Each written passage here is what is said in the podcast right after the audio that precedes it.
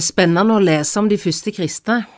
Vi leser om mange som ble kristne, vi leser spesielt i starten på apostelgjerningene i Det nye testamentet. Og etter hvert som det var flere og flere som ble kristne etter pinsedag, så kom det nye oppgaver og nye tjenester for disse. Nye oppgaver og tjenester som å lede, forkynne, be, helbrede, vitne, tjene. Man ser på en måte hvordan nye gaver og nye oppgaver vokser fram. I eh, brevene i Det nye testamentet så gir Paulus en del undervisning om disse gavene, som vi også kan kalle for nådegave. Vi som tilhører livsfellesskapet med Jesus, vi som tilhører Jesus, vi tilhører også hverandre, og Bibelen sier at vi er lemmer på Jesu legeme, at det er Han som vi skal få lov å være en del av, og så tilhører vi Jesus, og så tilhører vi hverandre. I andaktene denne uka har vi tatt fram ulike personer fra Det nye testamentet, og jeg har prøvd å si noe om hvordan disse kan være et forbilde for oss. Personen som vi skal møte i dag, han var en av disse som ble kristne etter pinsedag, og som var med og tjente Gud med sin gave, tjente Gud og tjente andre kristne.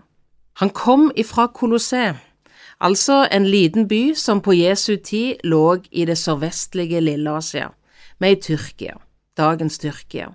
Paulus han har nok ikke sjøl vært i denne byen, men han skriver et brev til menigheten her, Kolosserbrevet.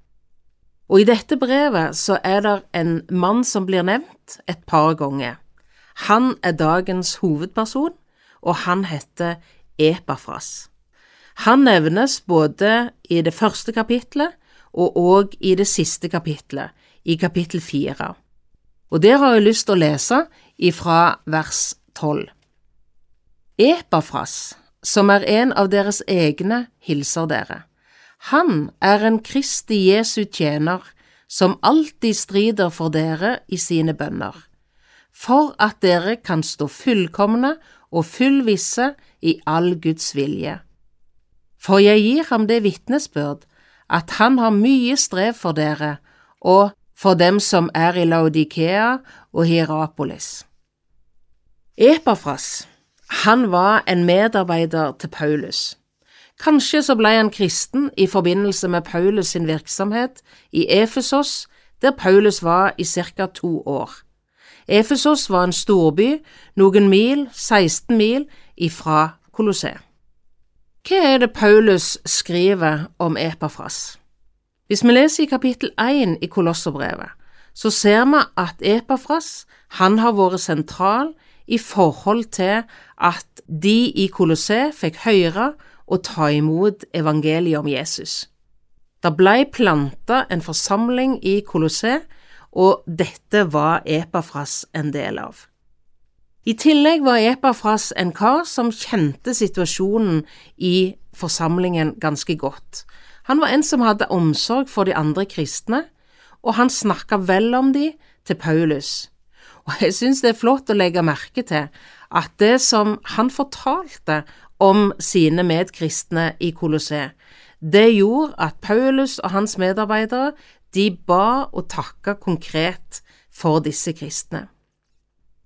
Det som jeg hadde lyst å streke aller mest unna, det er at Epafras, han var en bønnemann, en forbeder, og det leste vi veldig tydelig i de versene som vi leste. Det står han er en Kristi Jesu tjener som alltid strider for dere i sine bønner. Det var altså en mann som Gud på en særlig måte hadde kalt til bønn. Kanskje det var hans nådegave og hans oppgave. Det med bønn er en kjempeviktig tjeneste, og som òg mange mennesker har, mange ganger i det skjulte og i det stille, så gjør de en sånn viktig tjeneste med å be for andre mennesker, for fellesskap, for konkrete situasjoner, for land og for folk. Jesus han har knytta løftet til bønn. Be, så skal dere få. Altså, det betyr noe å be. Det betyr en forskjell. Og samtidig er det sånn at Gud, han er så stor at han begrenser seg ikke bare til å gi oss ut ifra det vi ber om, og det vi kommer på å be om, og det vi har visdom til å be om.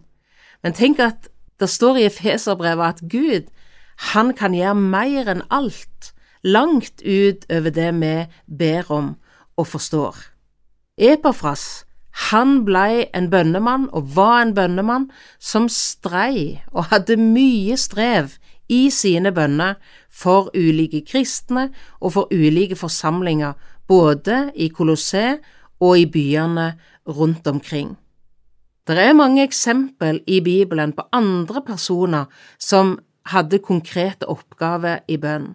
Vi kan tenke på Moses, som ba for folket når de var i krig, fikk hjelp av sin bror Aron og en annen medarbeider, Hur, og det betydde en avgjørende forskjell at Moses var i bønn for folket, når Josva var den som var hærfører og sloss imot fiendene. Vi leser om Abraham som ber, man leser om Daniel som ber, kanskje er dette personer du har hørt om, kanskje er det personer du ikke kjenner til, da anbefaler jeg deg å google de litt for å se hva Gud gjorde både i deres liv og gjennom deres liv. Det er spennende å be, og det er knytta store løfter til bønn. Epafras, han var nok en av disse som hadde en nådegave, en oppgave og en gave i bønn. Men så har jeg lyst til å minne oss på i dag at bønn, det er noe som Gud kaller oss alle til. I kapittel fire i Kolosserbrevet så står det Vær vedholdende i bønnen, så dere våker i den med takk til Gud.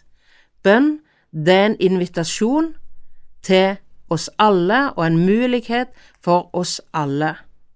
Men i dag har jeg lyst til å sette fokuset spesielt på og takke deg spesielt som har din gave og din oppgave i bønn. Takk skal du ha for ditt strev og for din strid. Du har Epafras som et forbilde. Amen. Du har lytta til Over en åpen bibel, produsert av eh, Norea Mediemisjon. Anholdsholder i dag var Aud Karin Ringvold, et gjenhør fra 2019. Har du kommentarer eller spørsmål, så ta gjerne kontakt med oss. Du kan bruke e-postadressen eh, postalfakrøllnorea.no, eller du kan sende oss en melding via Facebook. God sommer videre.